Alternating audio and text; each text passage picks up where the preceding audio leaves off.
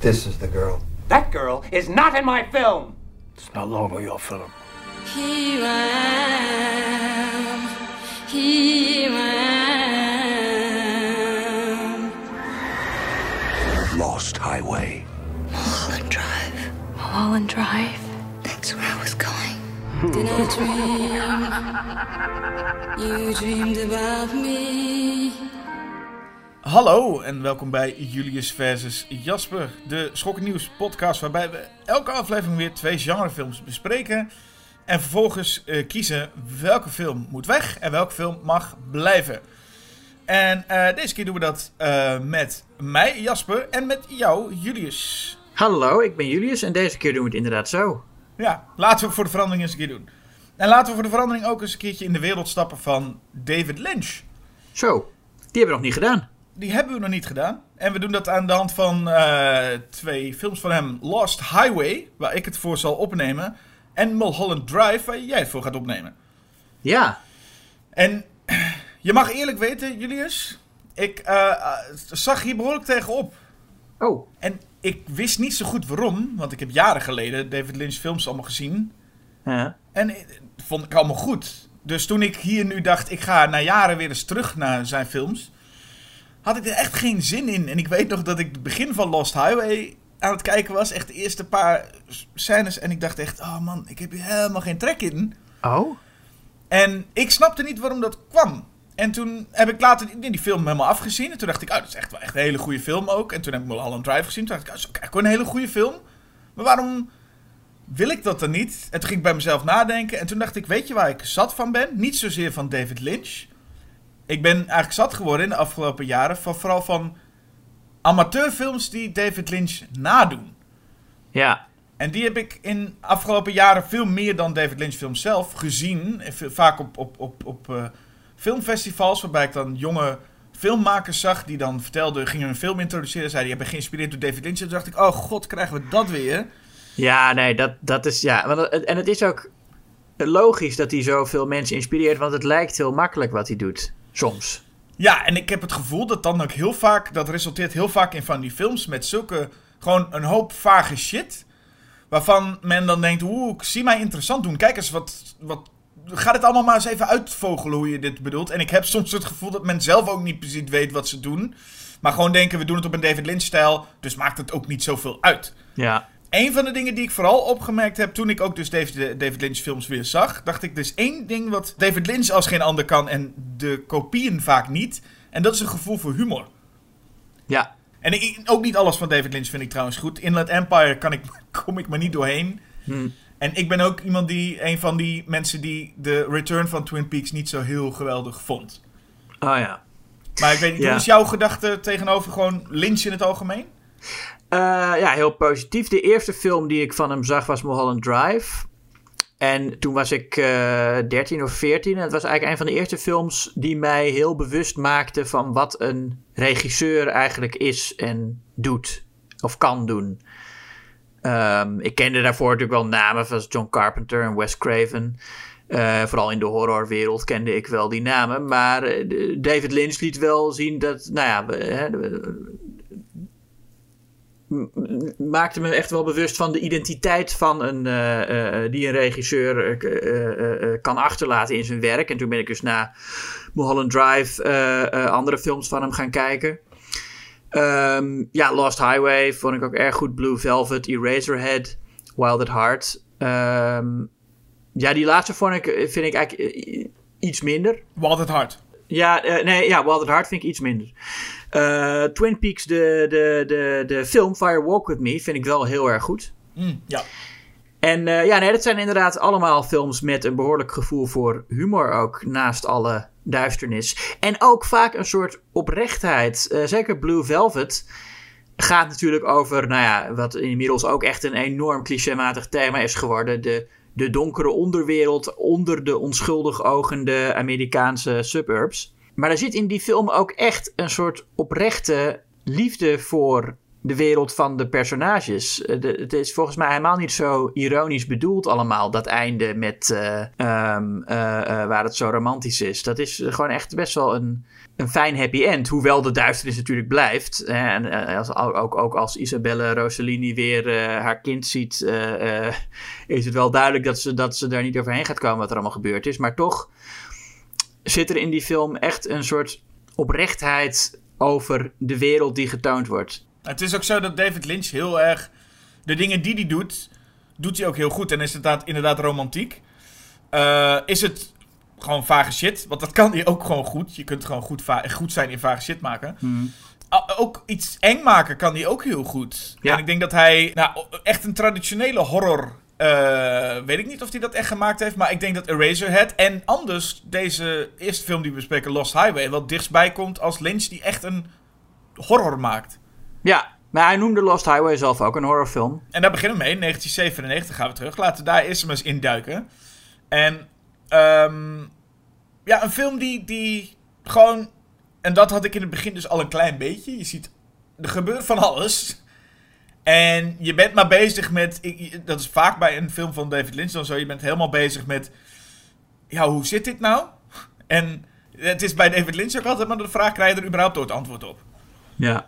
En hier wordt dan een, een, een stem zegt tegen Bill Pullman, eh, die in eerste instantie de hoofdrol speelt, eh, een, een, een tekst: Dick Laurent is dead. Ja, vervolgens gaat het verhaal verder met in ieder geval Bill Pullman. En het is een redelijk simpele setup. Hij krijgt videobanden in de post thuisgestuurd. En we ontmoeten zijn, eh, zijn eh, vrouw, Patricia Arquette. En ze beide mompelen de hele film lang. Ja. En ze praten heel langzaam allemaal. En ze krijgen videobanden opgestuurd van hun huis. Eerst alleen de voorkant van hun huis. En dan zegt volgens mij zijn vrouw ook nog van... Ja, misschien is het van een makelaar of zo. ja. Ehm, maar daarna krijgen ze dan te zien dat die beelden ook van binnen zijn. Ah, dat is best wel even een creepy iets, denk ik. Op het moment dat je dan ziet dat er videobeelden van jezelf... dat je aan het slapen bent. Ja, dat is, en dat is ook best wel traditioneel horrorachtig eh, creepy. Ehm, ja, hij is natuurlijk, hij is zelf een, een, een eh, eh, muzikant, saxofonist is hij, Bill Pullman. Fred Madison heet hij. En hij heeft ja, een relatie met, eh, met zijn vrouw Renee. Die eigenlijk, eh, vanaf het begin zien we al dat er behoorlijk wat afstand is tussen die twee. Eh, er zit ook een best een, een, een- wat ik een heel sterke dialoog vind. Als zij zegt dat ze niet meegaat naar de club waar hij gaat optreden. Dan vraagt hij, wat ga je dan doen? En dan zegt ze, ik ga lezen. En dan vraagt hij, wat ga je dan lezen? Alsof, alsof dat heel raar is dat ze iets dat ze gaat lezen. En dan merk je, merk je meteen gewoon een soort gevoel van ja, eh, eh, eh, oncomfortabel, ongemakkelijke relatie. Ze wonen ook in een heel onprettig huis om te zien. Ja. Het is binnen het is heel, heel kil en grijs. En ze hebben soort rare meubels. De tv staat op, op, op een soort rare blokken. Mhm. Ehm, het is best, ja, het is gewoon een- wel een mooi huis in Hollywood. Maar het is toch wel een beetje armoedig ingericht eigenlijk. En vooral heel kil en, en naar. Het is ook eh, naar belicht. Het is echt al- altijd een beetje donker in dat huis. Dus je zit er meteen al een sfeer van, dit, hier, hier zit het niet lekker. Deze mensen wonen in een wereld waar ik niet graag in zou wonen. Nee. En hij is inderdaad een saxofonist, maar ook echt een heftige saxofonist. Als je hem ziet spelen even. Ja, je ziet hem eh, in, een, in een jazzclub staat hij inderdaad flink eh, eh, een uit de hand lopende solo te doen. Ja, en dan komt hij thuis en dan heeft hij seks met zijn vrouw. En dan is die, blijkt dat die solo, dat kan hij in bed eigenlijk niet. Nee, precies. Dat was een beetje de suggestie, hè? dat hij krijgt zelfs, het lukt helemaal niet. En dan krijgt hij van haar een, een, een vernederend klopje op zijn rug. En dan zie je meteen, nou ja, wat het, wat het probleem is van de film. Wat later in de film nog eh, zal blijken. Dat eh, hij is gewoon compleet eh, gefaald in zijn masculiniteit. En is daardoor gefrustreerd. En ja, wat hij dan doet, volgens mij, vermoordt hij dan zijn vrouw. En daar kunnen natuurlijk de interpretaties over verschillen. Hè, want eh, je, dat, je, je weet natuurlijk nooit eh, eh, hoe dat zit met David Lynch. Maar ik ga ervan uit dat hij dan zijn vrouw vermoordt en, ehm, en daarvoor opgepakt wordt. En, en hij, hij kan het zichzelf niet herinneren. Maar ja, volgens mij is dat wat er dan gebeurt. Ja, want dat zien we aan de videobanden dus. Inderdaad wordt elke keer wordt iets meer duidelijk. Eerst de voorkant van het huis, daarna dat ze dus aan het slapen zijn. En de derde videoband geeft eigenlijk aan... Daar zien we beelden dat hij zijn vrouw heeft vermoord. Ja, Daartussen zit nog wel een van de meest memorabele scènes uit deze film, Ja. denk ik.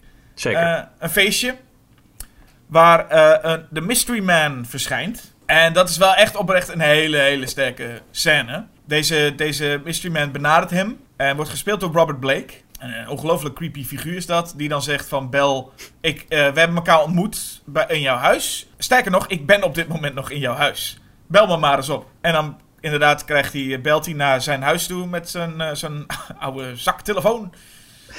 En, eh, en dan krijgt hij inderdaad hem aan, aan de lijn. Nou, een soort van, hé, wat een bijzonder trucje. En dan krijgt hij ook dus die, die, die Mystery Man, hè, die, die, die Robert Blake geeft dan ook zo'n enorme, eh, memorabele lach. En dat is vrij naar. En ik denk dat misschien ook wel een naar element is het feit dat deze Robert Blake ook uiteindelijk zijn eh, vrouw vermoord lijkt te hebben.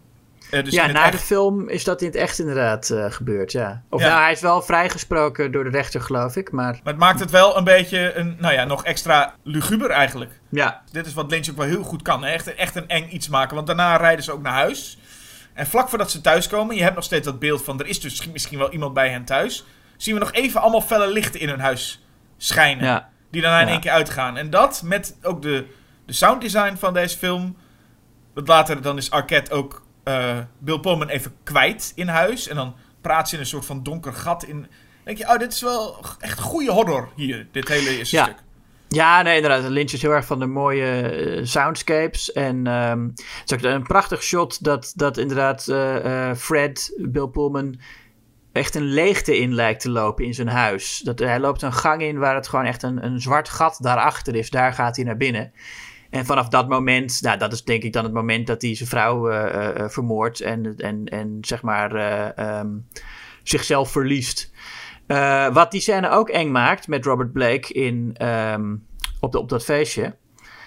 Naast inderdaad het hele O.J. Simpson gebeuren. Dat zit ik eigenlijk. Dat is, ja, dat is iets, iets wat deze film gemeen heeft met Naked Gun. Eh, Maar eh, nee, wat, wat die scène in, in de film zelf eng maakt, is ook dat hij zegt dat hij uitgenodigd is. Hij zegt: It is not my custom to go where I'm not wanted. Dus hij zegt van jij hebt mij, jij, jij wil mij. En dat zal later in de film ook nog steeds meer blijken dat die man niet een tegenstander is van Fred. Nee. Dat hij ook eh, echt wel een. eh, Dat hij waarschijnlijk ja, uit, uit Fred komt. Of in elk geval door Fred opgeroepen is. natuurlijk is het zo dat je bij David Lynch films de hele tijd denkt van waar gaat dit heen, wat gaat, dit, wat gaat er gebeuren. Maar op het moment dat je nog denkt, oké, ik kan het een beetje volgen. Het feit dat Bill Pullman misschien zijn vrouw heeft vermoord, denk je, waar zou dit heen gaan? Want Bill Pullman gaat de gevangenis in. Ja. En we zijn nog niet op, we zijn nog niet op driekwart van de film of zo. Dus je denkt, wa- wat, wat zou er nu gaan gebeuren? En dat is eigenlijk een bijzonder moment, wat ook wel raakvlak heeft met, met Mulholland Drive straks. Ineens zijn de rollen omgedraaid. Of in ieder geval de rol omgedraaid. Bill Pullman is ineens verdwenen. Hij heeft de hele tijd in die gevangenis een enorme hoofdpijn. En plots zit daar ineens in plaats van Bill Pullman een 24-jarige jongen die Pete heet. Ja. Dat is iets bijzonders. Ja, Balthasar Geddy. Ja, waarvan je dus denkt van oké. en je zit ook de hele film af te vragen: komt hij nog een keer terug? Hoewel je eh, eh, Bill Pullman op een gegeven moment ben je hem even kwijt. Dat je echt voelt van oké, want de film is niet alleen maar met een andere hoofdpersoon. Maar de toon is dan op een gegeven ook ineens heel anders. Het is een hele andere stijl van de volgende helft van de film. Ja, het wordt opeens een veel conventionelere, of nou ja, voor Lynch begrippen dan, veel conventionelere eh, eh, soort neo-noir thriller. Nou ja, daarvoor was het al, het was al behoorlijk neo-noir, maar het wordt meer een soort ehm, leuke misdaadfilm op momenten. Want je zit ineens in het verhaal van die Die opgehaald wordt door zijn ouders. Ja, hij wordt natuurlijk vrijgelaten daaruit door, eh, eh, nou, door, door Henry Rollins. Zit- deze film zit vol met cameo's van onverwachte figuren en ook een paar rocksterren, waaronder Henry Rollins als een van de wachters bij, in de gevangenis. Ehm, en ja, hij wordt vrijgelaten, want ja, wat, wat, wat doe je anders met zo iemand die opeens in een cel zit? Als het niet degene is die daar hoort te zitten, ja, daar kun- je weinig anders mee dan hem gewoon eruit laten. En dan begint hij, ja, een soort, nou wat ik zeg, een, een, een conventioneler film noir-achtige held te worden. Want eerst had je natuurlijk die Bill Pullman, eh, die, die dan zijn vrouw had vermoord. En dat is denk ik een soort spel met het bekende thema van de onschuldige verdachte. Maar in dit geval dus eentje die hoogstwaarschijnlijk wel schuldig is. Ehm, en volgens mij is het zo dat hij dan in die cel een alternatief leven fantaseert. Dat is eh, eh, wel ook een, een, interpretatie die wel eh, veel voorkomt. En dat vind ik wel een prettige. Hij zit in die cel te wachten en hij, hij, hij heeft een fantasie. En dan zit hij eigenlijk, gaat hij zich zijn eigen leven voorstellen. geïnspireerd door filmconventies. Je zou als kijker kunnen denken: hey, gaan we nou de hele tijd onszelf afvragen hoe kan Bill Pullman veranderd zijn in Pete? Maar waar je eigenlijk meteen daarna mee bezig bent, is het vraagstuk: hoe komt Pete eigenlijk in die gevangenis? En wat is er gebeurd? Ja. Want hij heeft ook geen idee hoe hij daar precies komt. En, en, zit daar ook mee van, ja, hij is iets kwijt. Er is wel iets gebeurd. Er is iets voorgevallen, maar we weten niet waar. Nee. En dan is het een, uh, ja, ook een heel leuk moment dat zijn uh, ouders hem opkomen halen. Ge, gespeeld door Gary uh, Busey. Ja. En, en Lucy Butler. Die komen dan binnenlopen. Allebei met zo'n zo'n leren jackie aan. En dat ze dan allebei in het politieagent tegelijkertijd zo'n zonnebril afdoen. Toen dacht ik, hey, hier hebben we ineens een soort van David Lynch humor. Ja, ja. En dat blijkt ook, want deze film, dit, dit stuk van de film is, is veel luchtiger. En nou ja, dat is natuurlijk het meest duidelijk als je ineens Richard Pryor voorbij ziet komen ook. Ja, Richard ja, ook nog weer zo'n onverwachte cameo. Hij, uh, die, die werkt bij de garage waar uh, uh, Pete ook werkt. Ja. Hij heeft trouwens een van de leukste zinnetjes in deze film. Hmm. als je het hebt over, over David Lynch humor. Hij is op een gegeven moment aan het bellen, Richard Pryor. En dan zegt hij... Hij heeft volgens mij een klant aan de lijn waarschijnlijk. En dan zegt hij tegen die klant... There's nine people down here... And you can ask seven of them. If you can get that price from one of them, I'll let you ask the other two. Het slaat helemaal nergens op. nee, het is echt compleet. Waar, waar, heb je het over? Ja, maar ja, dat vond ik, vond ik een erg leuke zin. En dan hebben we Mr. Eddie nog niet eens ontmoet. Nee, ja, dat is, dat is de, de, nou ja, de, de tough guy. Um, die ook zo uit een, uh, uit een uh, soort neo-noir gestapt uh, komt. en in een, in een, in een hij komt uit een neo-noir in een andere neo-noir gestapt. Um, ja, dat is eigenlijk een, een, een heel ja, leuk moment als hij dan tegen Piet, hè, want Piet die, die klust graag aan zijn auto. Dus dan gaat hij met Piet zeggen, ik heb een beetje een raar geluid, rij maar met me mee. Nou, dan zitten we met, uh, met Mr. Piet met Mr. Eddie in de auto. Um, ja, dan, gaat, dan gaan ze even stoppen. Piet draait dan volgens aan twee kleine schroefjes. En dan is het, nou hij doet het weer hè. Ja. ja, geweldig werk, zegt hij dan. En dan zegt, zegt Piet ook zo: Ja, ik klus graag aan deze auto. Ik denk, nou, ja. een keer met twee schroefjes aan draaien, is er helemaal niet veel werk van. Maar, ja. En dan komt een van de leukste momenten, ook uit het niets, hè, maar komt het zo'n moment dat ze even samen gaan rijden. Mm -hmm. Mr. Eddie houdt wel van een beetje dat, dat, dat uh, een beetje gas geven. En dan komt die bumperklever. Ja, ja, en... dan heb je aan Mr. Eddie een verkeerde. ja, en dat is ook nog extra leuk waar je dat ziet. Is dat zo'n bumperklever haalt hem dan in, steekt zijn middelvinger op. En dan vind ik het geweldig dat ze meteen naar een shot gaan van twee van die hulpjes die achterin zitten. En die dan Ja. meteen gewoon alleen maar hun gordel omdoen. En dan denk je al, oké, dit is echt perfect verteld met beeld. Eh, Ja. Want die Mr. Eddie wordt ingehaald, middelvinger. En meteen daarna, oh, ze doen hun gordel om. Want die, want die, die bumperklever wordt ingehaald en die wordt volledig in elkaar geslagen daar door eh, Mr. Eddie. Die helemaal uit zijn plaat gaat. Ja, en hij kent ook alle, eh, eh, alle, alle cijfers. Dat vind ik zo leuk. Dat hij terwijl hij die, die, eh, die bumperklever aan elkaar slaat, dat hij dan uit zijn hoofd weet hoeveel mensen er elk jaar in een, ongeluk krijgen door bumperkleven. Ja, hij heeft zich heel goed voorbereid voor dit moment. Ook leuk is hoe Mr. Eddie zet Piet dan daarna af. En dan geeft hij hem geld. En dan trekt hij daarna ineens een videoband erbij. En dan zegt hij, wil je, wil je porno? ja, you like porno's? Give you a boner? Zo, ik heb even een, even een videoband erbij. Ah, nee, dankjewel. Ah, Oké, nee, moet je zelf weten. Ik leuk. Ja, eh, Mr. Eddie is een. Ja, Robert Loggia speelt hem eh, eh, heel erg goed. Het is echt een heel lekker personage. Lekker vet aangezet. En een, een smerig mannetje.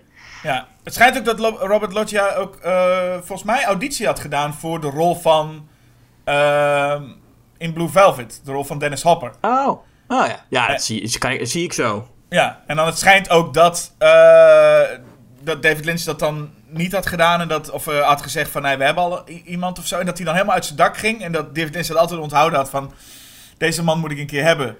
Dus het, Ja. het, het voelde een beetje aan dat verhaal alsof David Lynch dat hele gedoe met die bumperklever met Robert Loggia ook heeft ervaren. En toen dacht ik, ik moet dit een keer gaan gebruiken.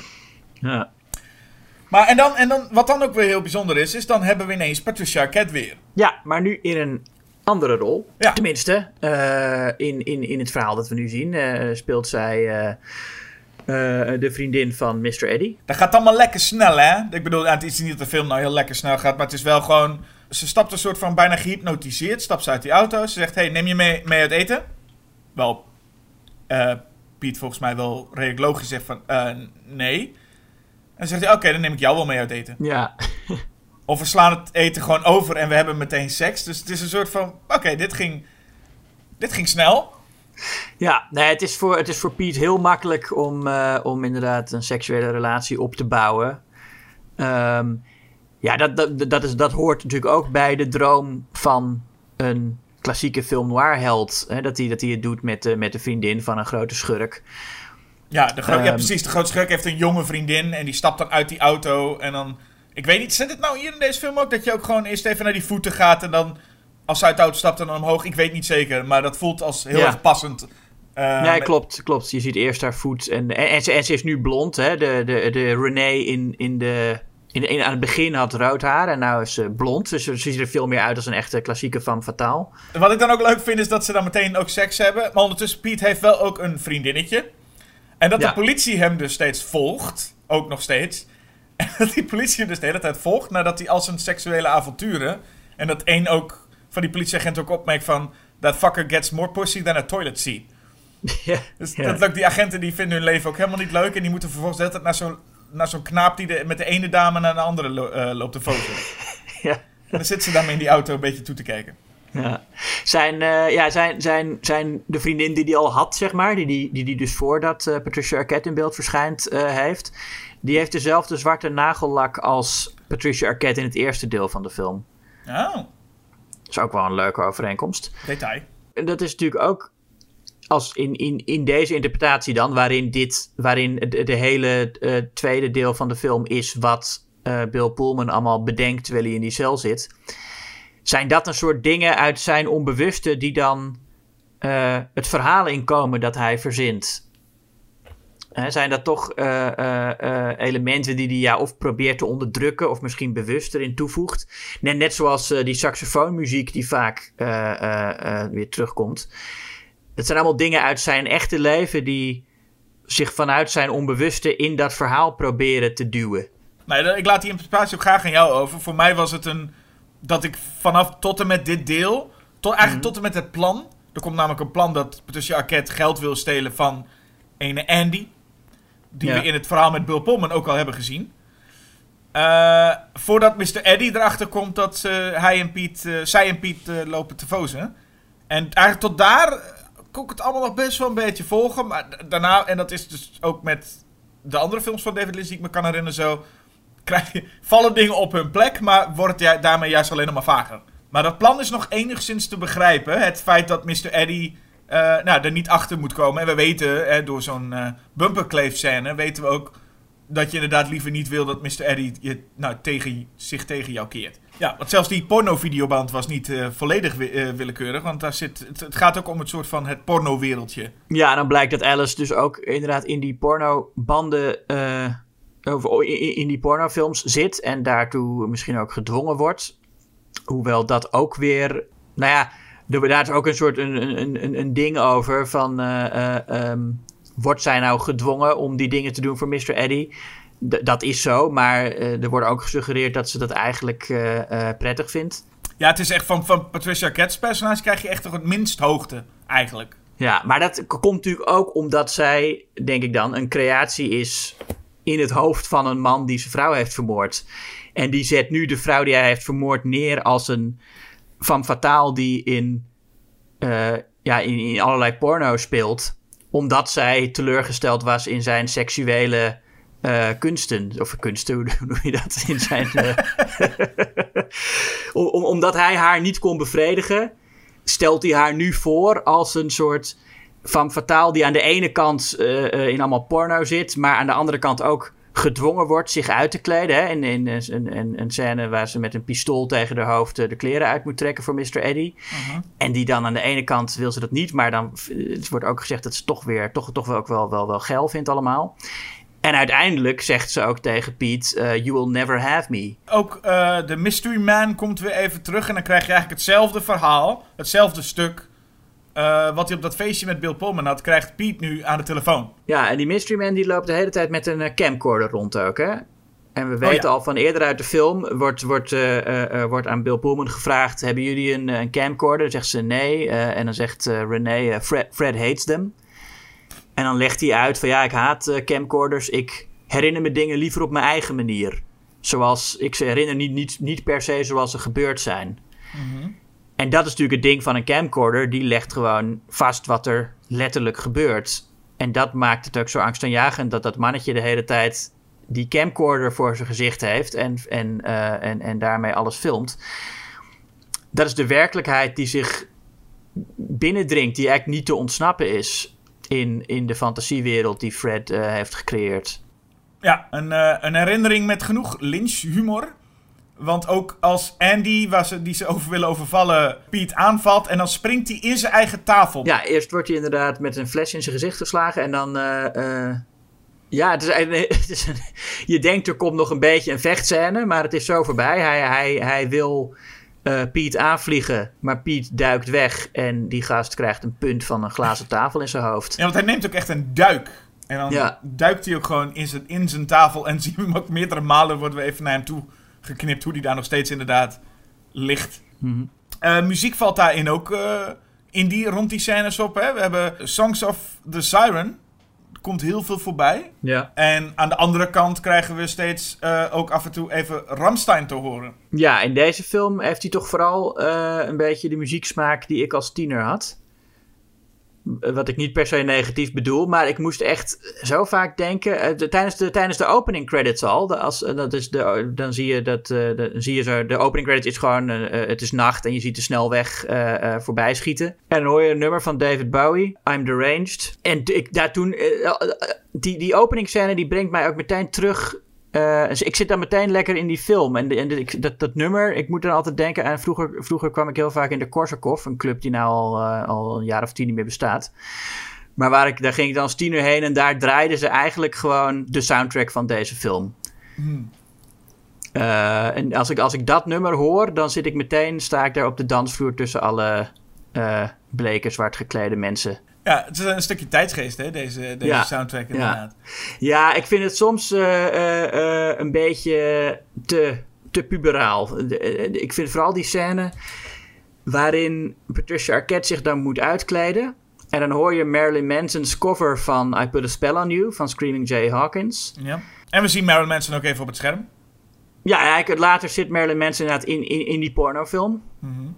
En eh, Twiggy Ramirez ook trouwens, ook een, een bandlid van hem. Maar die scène, de, waar je dus I Put a Spell on You hoort... ik vind daar de muziekkeuze in combinatie met eh, wat er gebeurt... dat is toch een beetje eh, de fantasie van een, van een tienerjongen... die denkt, ik wil een heel eh, coole, duistere eh, shit laten gebeuren... Ja. En het moet ook eh, sexy zijn.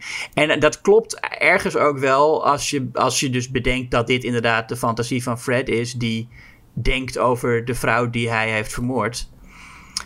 Ehm, maar ik vind, ik, word, ik vind het toch wel een beetje gênant. Vooral door de muziekkeuze, denk ik. Maar het is inderdaad, die muziekkeuze valt heel erg op, omdat het inderdaad totaal niet subtiel wordt ingezet. Het werkt niet en het werkt daarom ook wel. Ja, nou, het is gewoon. Het, dat, ik, dat nummer is gewoon een beetje stom. Het is, ja, het is, ik bedoel, het is wel leuk of zo, maar het is, het is, het is eh, heel puberaal. Nee, hij, hij, werkt in, hij werkt bij deze film ook samen met Trent Reznor. Die heeft een paar nummers eh, eh, voor de soundtrack van de film ook geschreven. En daarnaast gebruikt hij ook ehm, nummers die hij al had van Nine Inch Nails. Eh, Trent Reznor zit ook nog in Twin Peaks The Return. Dus dat is wel een, een samenwerking die eh, vruchtbaar is gebleken voor David Lynch.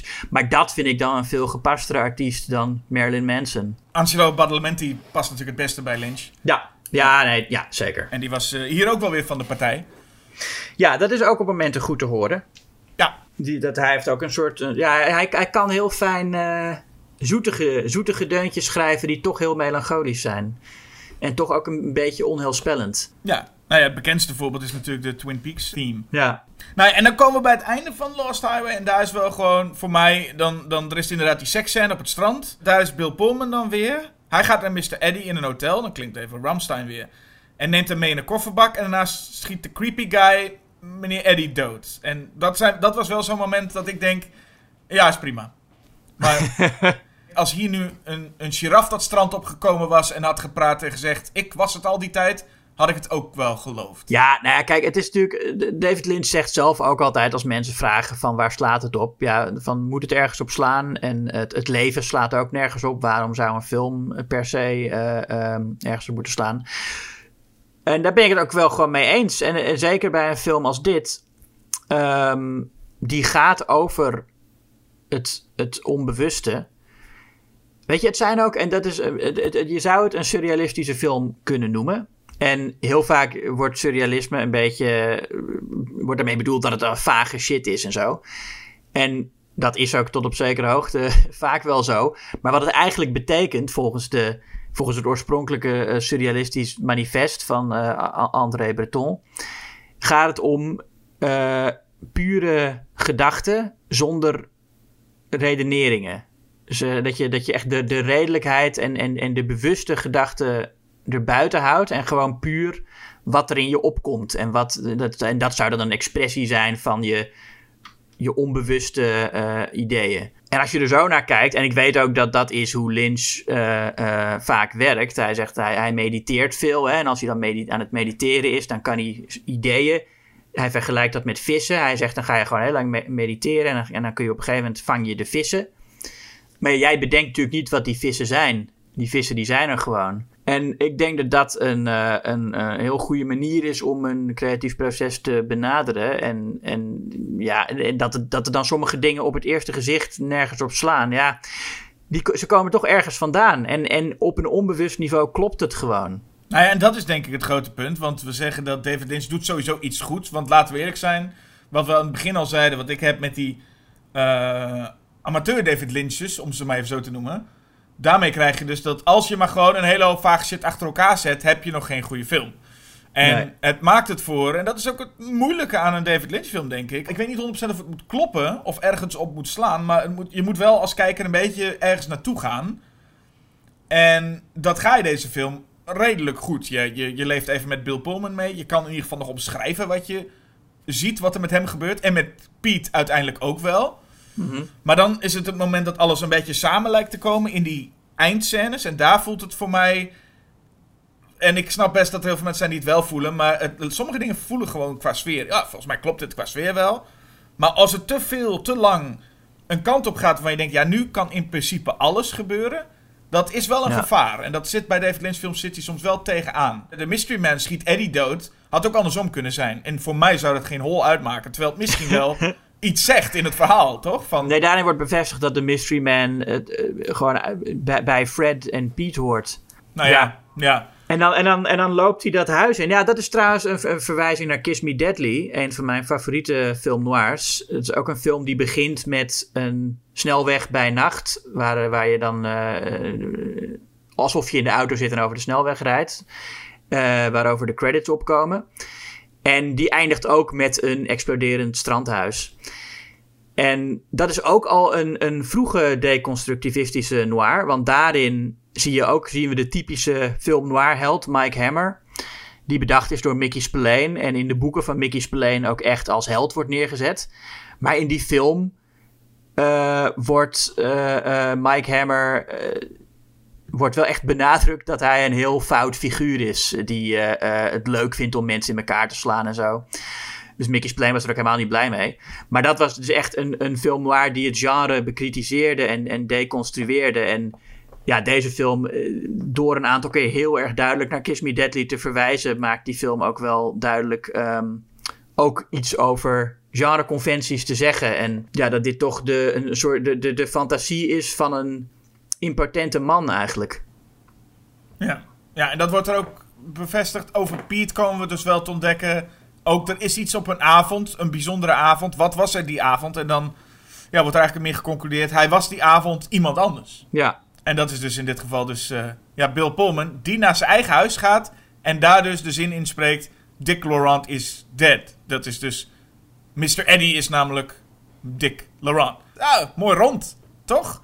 Nou, maar, en, maar dan, dan gaat de politie weer achter hem aan. Hè? De politie ziet dan Fred bij zijn eigen huis staan en springt in de auto. En het eindigt in een auto-achtervolging. Ja, je, je kan dan eeuwig doorgaan, is het idee, denk ik. Hè? Van, eh, die, die, die, die, die, die, die achtervolging houdt nooit op. Ehm, en eh, helemaal aan het einde zie je dat, er, dat, er, dat, dat de lichten beginnen te flitsen. En, en dat Fred in zijn auto.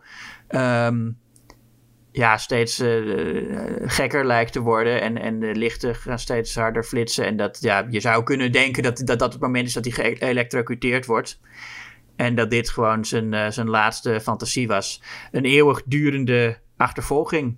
Want is het ook niet een soort van, wat ook, ook eeuwigdurend zou zijn, is dat het verhaal ook weer gewoon verder gaat in het huis. Ja, Lynch heeft er nog wel. Hij, hij wil meestal niet zoveel zeggen over waar films over gaan. Maar hij heeft hier gezegd, hij noemt het een psychogenic fugue. Een dissociatieve vlucht. Dus dat, dat, en dat houdt dus ook in, ja, wat een beetje mijn interpretatie is, eh, die dus ook min of meer door Lynch eh, bevestigd is, ehm, dat je iets gedaan hebt en daarvoor vlucht in een fantasiewereld. Ja, dus en niet dat ik dat allemaal zelf bedacht heb, wat ik net allemaal zei. Hè. Dat is gewoon, eh, dat, ja, dat is min of meer wat Lynch erover zei en hoe ik dat dan verder invul. David Lynch weet wat hij doet, dat sowieso. Maar heb jij het gevoel dat hij dat bij alles in deze film betekenis heeft? Of dat hij ook soms gewoon dingen doet omdat hij Nou, denkt, oh, dat is vet. Nee, ik, ik, eh, eh, ik, ik denk het niet. Ik denk niet dat hij, dat hij overal een bedoeling mee heeft. Ehm, laat ik vooropstellen dat het helemaal niet uitmaakt. Nee, nee, nee, zeker niet. Dat ook als hij zou zeggen, ik, ik bedoel overal iets mee, dan zou dat een film niet beter of, of slechter maken.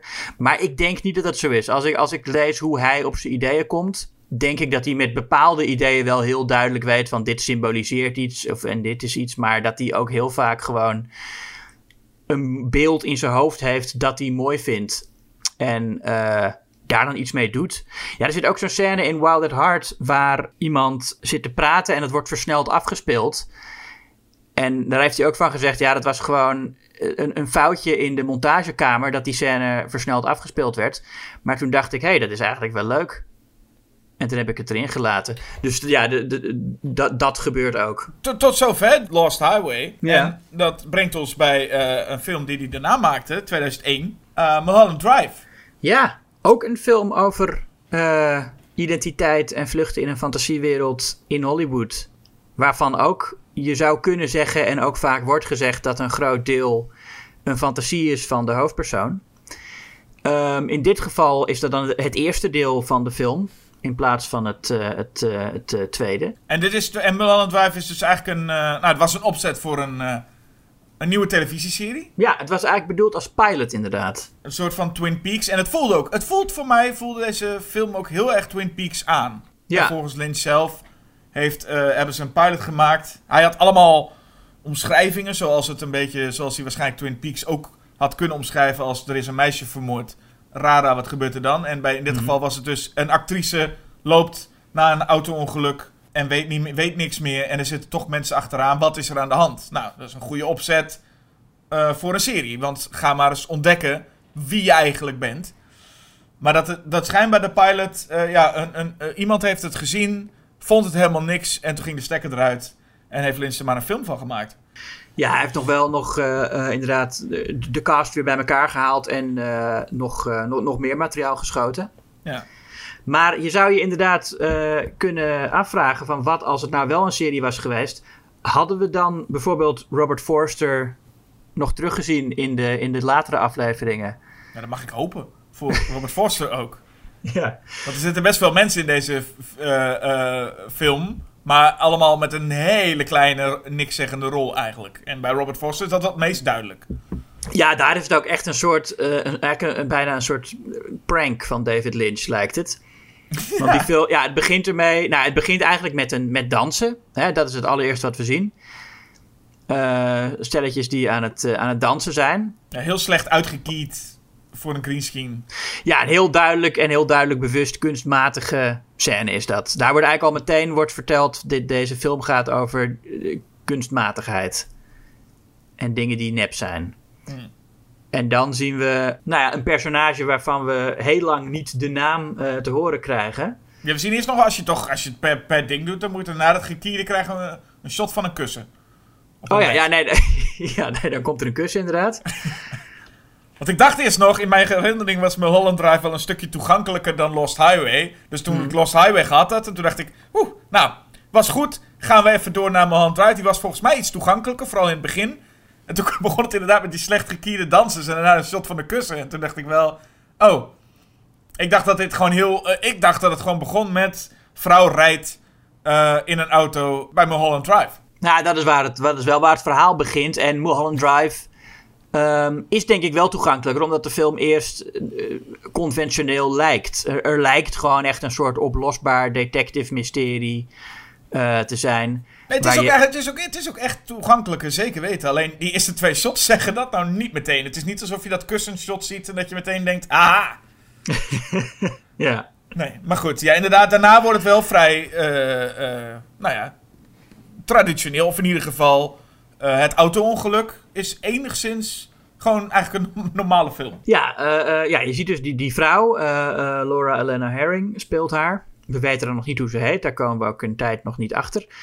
Ehm, zij wordt met een pistool gedwongen de auto uit te gaan. En we, weten, we denken van, oh, nu gaat alles mis. Maar gelukkig is daar dan de redding in de vorm van feestende tieners die daar een auto-ongeluk veroorzaken. Waardoor zij aan haar belagers kan ontsnappen. En eh, een intrek neemt in een huis. Dat, eh, dat, dat waar, waar niemand is. En dan, dan zien we inderdaad ja, de detectives, waaronder Robert Forster. En dan zou je kunnen denken: oh, dit wordt gewoon een verhaal waarin deze detective het mysterie op gaat lossen en gaat ontdekken wat er gebeurd is. Dat daar, die kant lijkt het echt op te gaan. En ja, Robert Forster zien we vervolgens nooit meer terug. Nee, en het is ook nog zo'n scène waarbij ze met z'n tweeën, eh, twee, twee agenten zo staan te kijken naar een, eh, een, een, een autovrak. En de een dan zegt van, nou, ik denk dat er, eh dus er zijn iets van parels gevonden. Ik denk dat er een dame tussen zat. En dan zegt Robert Foster, ja, dacht ik ook. En dat is ook zijn, dat is, Ja. dat is zijn rol, dat is zijn tekst, dat is het. Ja, maar dat is heel. Dat is, en, eh, ja, als het een serie geweest. eh, als het een serie zou zijn geworden. zou het natuurlijk kunnen dat er Forster weer terugkomt. Maar ja, dat, dat is niet zo. En hij zit wel in de film. En dat maakt het. Ja, wat ik net zei. Een soort, een soort prank van David Lynch. Nou, het leuke is zelfs nog, als de serie was geworden, had het nog steeds gekund dat er een se- seizoenen lang en Robert Foster nooit terugkwam. Ja, nee, had ook gekund, tuurlijk. Ja.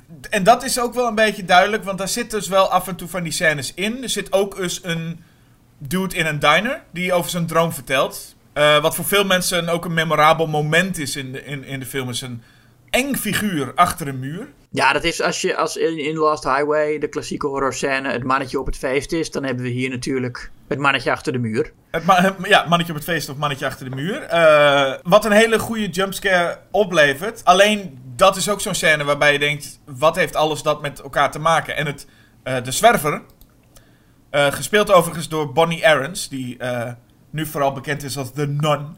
Oh, Dus de, de, de vrouw die ook de nun speelt, eh, Ah. is, eh, is eh, de, de bam. Zo is ze dan weer. Ze, ze speelt nu een nun, maar ze was toen de bam.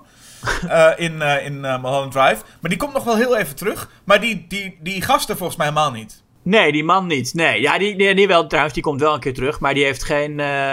dan, dan zie je hem gewoon ergens staan en dan, en dan kijkt hij iemand aan. Hij heeft geen tekst meer verder. Nee. Dus je kunt bij elk personage nu een klein beetje afvragen... Had Lynch hier plannen mee? Nou, die man, Dan, eh, hij, hij zit daar. Hij vertelt inderdaad over zijn droom. En het is, ja, het is heel mooi hoe dat opgebouwd is. Het is al ontzettend duidelijk dat hij heel erg bang is. En eh, eh, nou, dan zegt die, die, die, die baas van het, van het restaurant dan... nou, dan gaan we even achter die muur kijken. En hoe ze er naartoe lopen, het is zo, dat is allemaal zo normaal gefilmd. Dat is eigenlijk wat het, dat is het goede. Dat, David Lynch staat bekend als een regisseur die ook wel, ehm, die ook wel heel duister kan zijn in stijl. In Lo- Lost Highway heb je, heb je, heb je shots waar alles pikdonker is. Maar hier is het, het is klaarlichte dag en het is ook heel, eh, normaal belicht. Er is niks bijzonders aan, aan belichting en cinematografie. En ze lopen gewoon op dat muurtje af en alles ziet er heel alledaags uit. En dan heb je daar opeens dat, dat storende element van... eh, ja, die man die daar inderdaad achter die muur blijkt te zijn. Ik, ik zag die scène...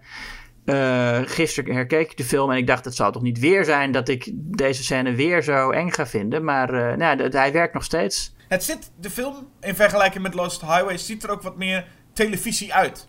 Ja, ja, ontzettend. Dan en dan komen we Naomi Watts tegen. Ja, De optimistische Betty. Ja, dat, dat is meteen eh, een prachtige scène, toch? Dat zij aankomt in Hollywood.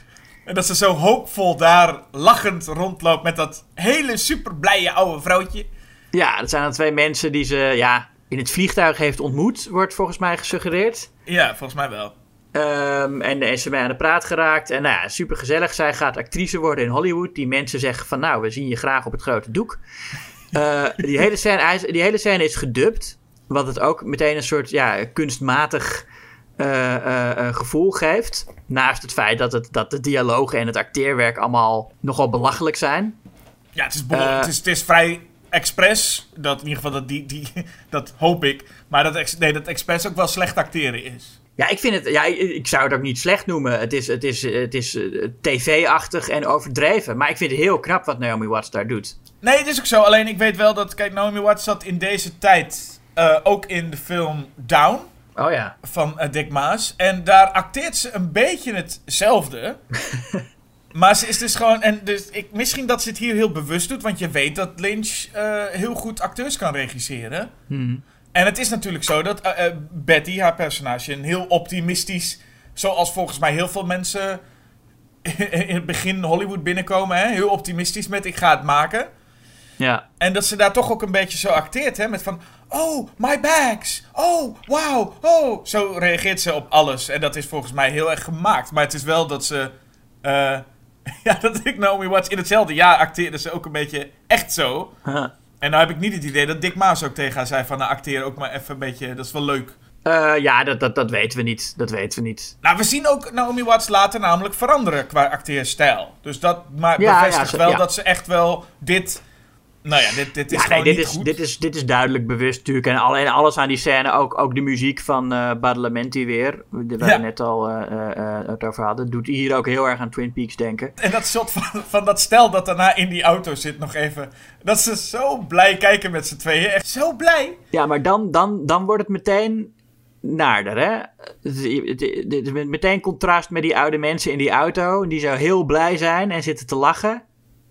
En dan is het meteen, oh nee, maar het is, er is toch iets mis. Had je dat? Ik had dat helemaal niet. Nee? Oh. Nee, ik, had gewoon, ik vond het vooral heel geestig hoe lang zij zo blij waren. Echt zo, ah, ah, en dat ze gewoon zo blij bleven. Ik weet niet, dat, dat vond ik nog niet heel na, nee.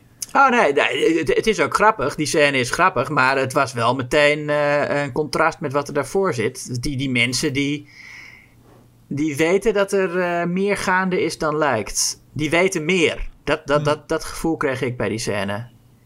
Dus het is, het is toch een beetje een gemene lach. Zij weten wat Naomi Watts te wachten staat. Oké, nou, dat, had ik, dat, dat had ik helemaal nog niet geïnterpreteerd daar. Huh. Nee, ik was vooral een beetje aan het genieten van de luchtige kant van, eh, van Lynch. Ja. En die komt nu in een paar momenten nog eh, verder. Ook als we dus eh, de regisseur Adam ontmoeten, Justin Theroux. Ja. Die heeft een heel, heel lekker absurd gesprek aan de tafel met eh, studio execs, denk ik dat het maar zijn. Ja, Eh, die mannen die zitten daar. eh, dat zijn dan ja, hoge bazen in Hollywood. We, we, we krijgen nooit te weten wat ze nou precies doen. Maar het is, het is allemaal een beetje schimmig natuurlijk. Er is ook nog een, een, een connectie met een mannetje. Of nee, dat is de. God, hoe heet die acteur nou? Die ook in Twin Peaks zat.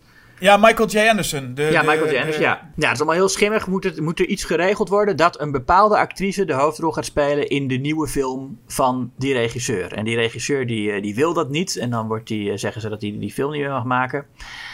Ehm, die mannen, ja, er zit ook een, een prachtig moment in. Eh, ik hou erg van hoe er omgegaan wordt met eten en drinken in films. En het wordt heel vaak gebruikt om machtsvertoon te laten zien. Eh, nou, zie ook eh, bijna alle films van Tarantino zit wel een moment waar iemand zijn superioriteit of, of, of macht boven de ander laat zien door de manier waarop hij iets eet. En hier heb je dus die man die dan een slok koffie neemt en het niet uitspuugt omdat hij het vies vindt. maar uit zijn mond op een servetje laat druipen. Ja, dat hij eerst nog vraagt om het servetje. Ja. Ja. ja. ja, En, en wie is dat? Hè? Deze man? Dat is... eh, Angelo Ba- Badalamenti. Ja, Badalamenti, inderdaad, ja. En dan zegt hij ook heel zachtjes, napkin. En Ja. dan, dan, dan nog een keer napkin en dan krijgt hij dat. Het maakt het zo vervreemdend, maar ik denk dat ik ergens ook voel van... heeft misschien een... Ja, een David Lynch zal vast wel dit soort momenten hebben meegemaakt. Niet precies dit natuurlijk. maar gewoon dat je, dat je aan zo'n tafel zit en dat je ook denkt van... wat ben ik... Ik heb het soms het idee... heeft David Lynch ooit een keer met de gebroeders Weinstein of zo gezeten? dit ga ik een keer gebruiken of zo. Want zo voelt het wel. Het voelt stiekem heel absurdistisch. Maar ik heb ergens ook het gevoel... gaat het er niet gewoon zo aan toe? In, in Ja, het, het, het, het zal minder overdreven zijn dan je in eerste instantie eh, zou denken, ja. Ja. Nou, dan, dan, maar dan komt wel natuurlijk de leuke eh, eh, eh, terugpakfantasie. Hè, dat de regisseur met een golfstick naar buiten gaat en de auto van die gasten in elkaar slaat. Ja.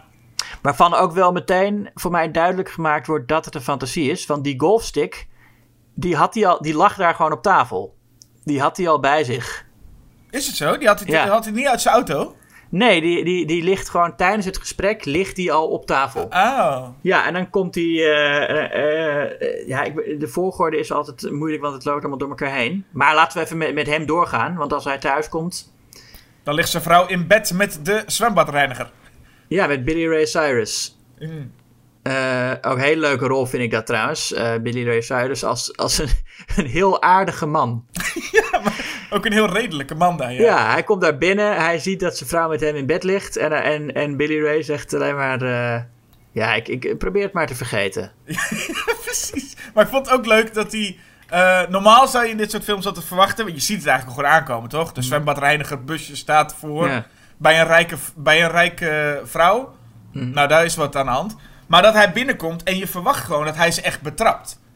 Dat, Ja. er een, een, dat, er echt, dat ze nog bezig zijn met seks. Als hij binnenkomt. Maar hij komt binnen en dan zitten ze gewoon allebei hem heel geïrriteerd aan te kijken. Ja, dat, hij echt, dat zij ook echt ook gewoon hem heel geïrriteerd aankijkt met... Ja, heb je nou je zin? ja, ja, ja. Het zijn geestige, geestige momenten. Maar de scène die daartussen zit is echt waar, waar, waar Lynch volgens mij even losging. En ik vond David Lynch hier nog het meest lijken op de Coen Brothers. Ja, Als er een eh, dude, een andere dude een zwart boekje wil jatten, hem dan, eh, eh, eigenlijk die hitman schiet hem dood, maar schiet dan ook door een muur heen. In, een, in het achterwerk van een dame. Dan vecht hij met haar en dan denkt hij eindelijk van, nou heb ik haar ook weg. En dan blijkt de conciërge het weer te zien. En dat, dit, was, dit was zo ongelooflijk Coen Brothers, dat ik dacht ook van het leuk dat David Lynch dat ook beheerst. ja. Ja, en het is, het is toch, we, we, we hadden het al bij eh, Lost Highway dat er een toonwisseling is. Maar het is wel andersom. De film is luchtiger en wordt gaandeweg steeds iets minder luchtig. Ja, En ik denk dat de castingscène eh met Betty, die dus een, een, een rol mag gaan spelen, of in ieder geval auditie mag komen doen, eh, is eigenlijk een beetje het kantelmoment volgens mij. Is waar het de humor en zo nog wel zit, maar tegelijkertijd het ook allemaal een beetje wat nageestiger wordt. ja. ja dat, die, die voelt heel Twin Peaks, die, eh, die eerste castingscène. Dat is, nou ja, het begin, we moeten er bij al overgeslagen dat Betty dan inderdaad eh, ehm, de vrouw ontdekt in het huis van haar tante, waar zij eh, tijdelijk verblijft. Daar ontdekt zij de vrouw die aan geheugenverlies eh, blijkt te lijden en helemaal niet weet wie ze is. Zij noemt zich dan Rita, naar Rita Hayworth, op een, de naam die ze op de poster ziet staan van de film Gilda. Ehm, dus daar zie je ook al meteen dat Lynch bezig is met filmconventies, als je dat nog niet in de gaten had. Ehm, zij is dan dus eh, eh, Rita en ja, ze mag van Betty daar blijven wonen. Eh, Betty vindt het allemaal prima en ze worden vrienden en ze oefenen samen Betty's auditie. Dat is een heel, heel leuke, gemoedelijke scène, hè? dat ze daar met z'n tweeën in, in, in, in badjassen die scène staan door te nemen. En dat ze dan, nou, dat is een behoorlijk slechte scène, die daar ook ja, echt een beetje soapachtig gespeeld wordt. En vervolgens komt ze op die auditie en blijkt de scène daar heel anders eh, eh, gespeeld te worden. Ook nog steeds op een behoorlijk eh soapniveau. James Cameron, die, die, die, die stelt haar aan iedereen voor. En met name die regisseur vond ik heel geestig. Ja. ja, er wordt aan hem gevraagd om commentaar te geven. En dan is hij even stil en zegt hij: Really good. It's not a contest. Ja, The two of them. With themselves. So don't play it for real until it gets real. En dan zit iedereen... Oké. En wat, wat zegt hij aan het einde ook alweer? Als ze dan vragen van wat vond je ervan? Dan zegt Ja, hij... dan zegt nou, hij, really good. Very good. Really. I mean, it was forced. Maybe. But still, humanistic. Een paar types bij elkaar. Maar dat wel leuk dat Naomi Watts personage wint die scène ook. En dat is wel heel goed. Ja. ja, en dat zijn namelijk niet alleen eh, de types. Kijk, die productie waar ze dan auditie voor doet, is nog is een vrij kleine productie. Die daar gerund wordt door een, eh, nou ja, een, een soort eh, bij elkaar geraapt zootje. Maar ook aanwezig daar is een eh castingagente en haar assistente. En die hebben, die hebben veel meer macht in Hollywood. En die pikken haar eruit en zeggen: Oh, wij lopen wel even met je mee naar buiten. Ehm, en dat is hoe ze dan, eh, nou ja, echt een- de, de kans krijgt. En eigenlijk is vanaf dat moment in ieder geval, en zeker slaan we het over meer, we kunnen ook niet die hele film tot in detail doen. Maar ik heb wel het gevoel dat hier dus het toon begint om te slaan. Het is het moment dat de Ja. dames eigenlijk op, samen op zoek gaan van wie is Rita nu eigenlijk echt. Ja, En dan treffen ze een dode dame aan. Ja, daar begin je toch wel een beetje het, het- het stukje, ja, het lugubere ook te ontdekken. Wat mensen ongetwijfeld bij Twin Peaks ook wel hadden. Hè? Het feit dat het weliswaar gaat om een eh, moord. Maar daarna is het allemaal best wel luchtig en soapachtig. Tot het Ja. op een gegeven moment ineens luguber begint te worden. En dat is, voelde het hier ook, dat moment. ja en, en, en dan, dan krijg je ook eh, volgens mij wel een beetje in de gaten vanaf dat moment dat het antwoord misschien niet gegeven gaat worden. Wat je, ja, als, als je bekend was met Lynch, had je dat misschien al wel eh, een vermoeden in die richting. Maar dat wordt vanaf dat moment wel steeds duidelijk. Van dit is een mysterie waarvan we in deze film niet eh, de oplossing eh, gaan zien. Tenminste, geen eenduidige oplossing. Eh, want heeft Lynch het met Twin Peaks toch ook gedaan? Die heeft er ook uiteindelijk de, de Twin Peaks als film gemaakt. De eerste aflevering om maar een soort van, dan heb ik die ook maar alvast. Oh ja. Dus ook al weet je dat wie, wie Lynch is, maar ook als je het verhaal weet van... Het was eigenlijk een serie met allemaal lijntjes. Ja, eh, eh, eh, knappe man die dat allemaal, allemaal aan elkaar weet te binden. Maar we zijn eerst nog bij het moment dat er ook een beetje romance begint te komen. Ja? Met een, eh een, eh een vrijscène tussen de twee dames. Tussen Naomi Watts en Laura Herring. Wat zeg je dat netjes? Een vrijscène, ja. Wat vond je daarvan? Nou, wat ja, de, eh, gewoon. Ja, het is nu, ik vind het nu, eh, toen ik die film voor het eerst zag, vond ik dat heel leuk. Maar nu zie ik het, vond ik het toch een beetje, een beetje viezig. Een beetje gênant vind ik het, moet Viezig? ik zeggen. Ja, ik weet niet. eh, Wat vond je viezig dan? nou ja, dat, dat David Lynch dat wil filmen. Ja? Nee, niet, niet, kijk, het, het, kijk het, het shot dat Rita naakt in bed stapt en dat ze het beginnen, dat is, eh, dat is allemaal gewoon prima.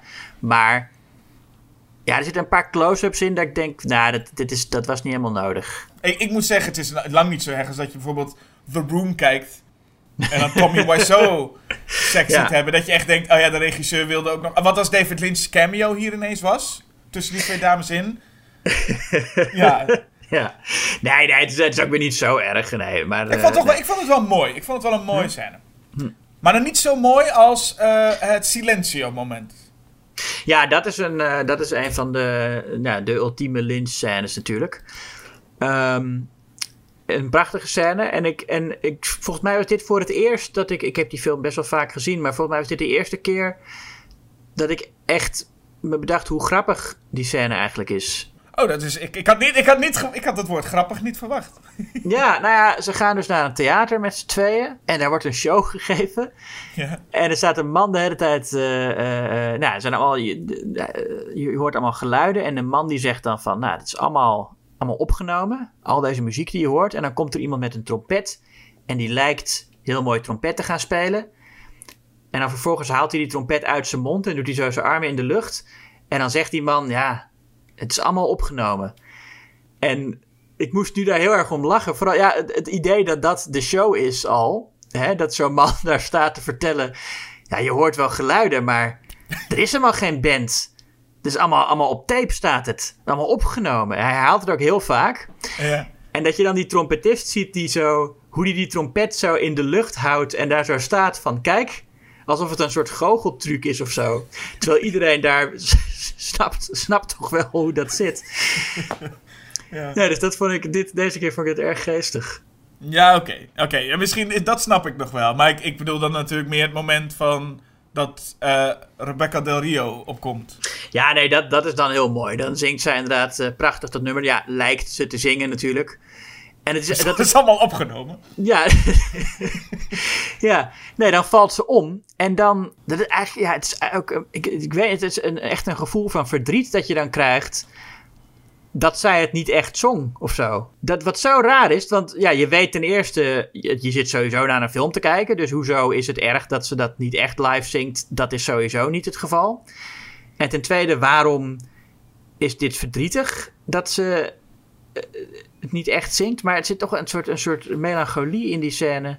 Dit is een scène Eh. waar ik juist twee, twee kanten krijg. Want ik vind dit een hele mooie scène. En de eerste keer dat ik hem zag, had ik het al meteen. Maar nu ook nog weer. Ik, ik keek dit en ik dacht van een ontzettend mooie scène. Tegelijkertijd denk ik aan de andere kant van mij. Die eigenlijk bij al dit zou denken.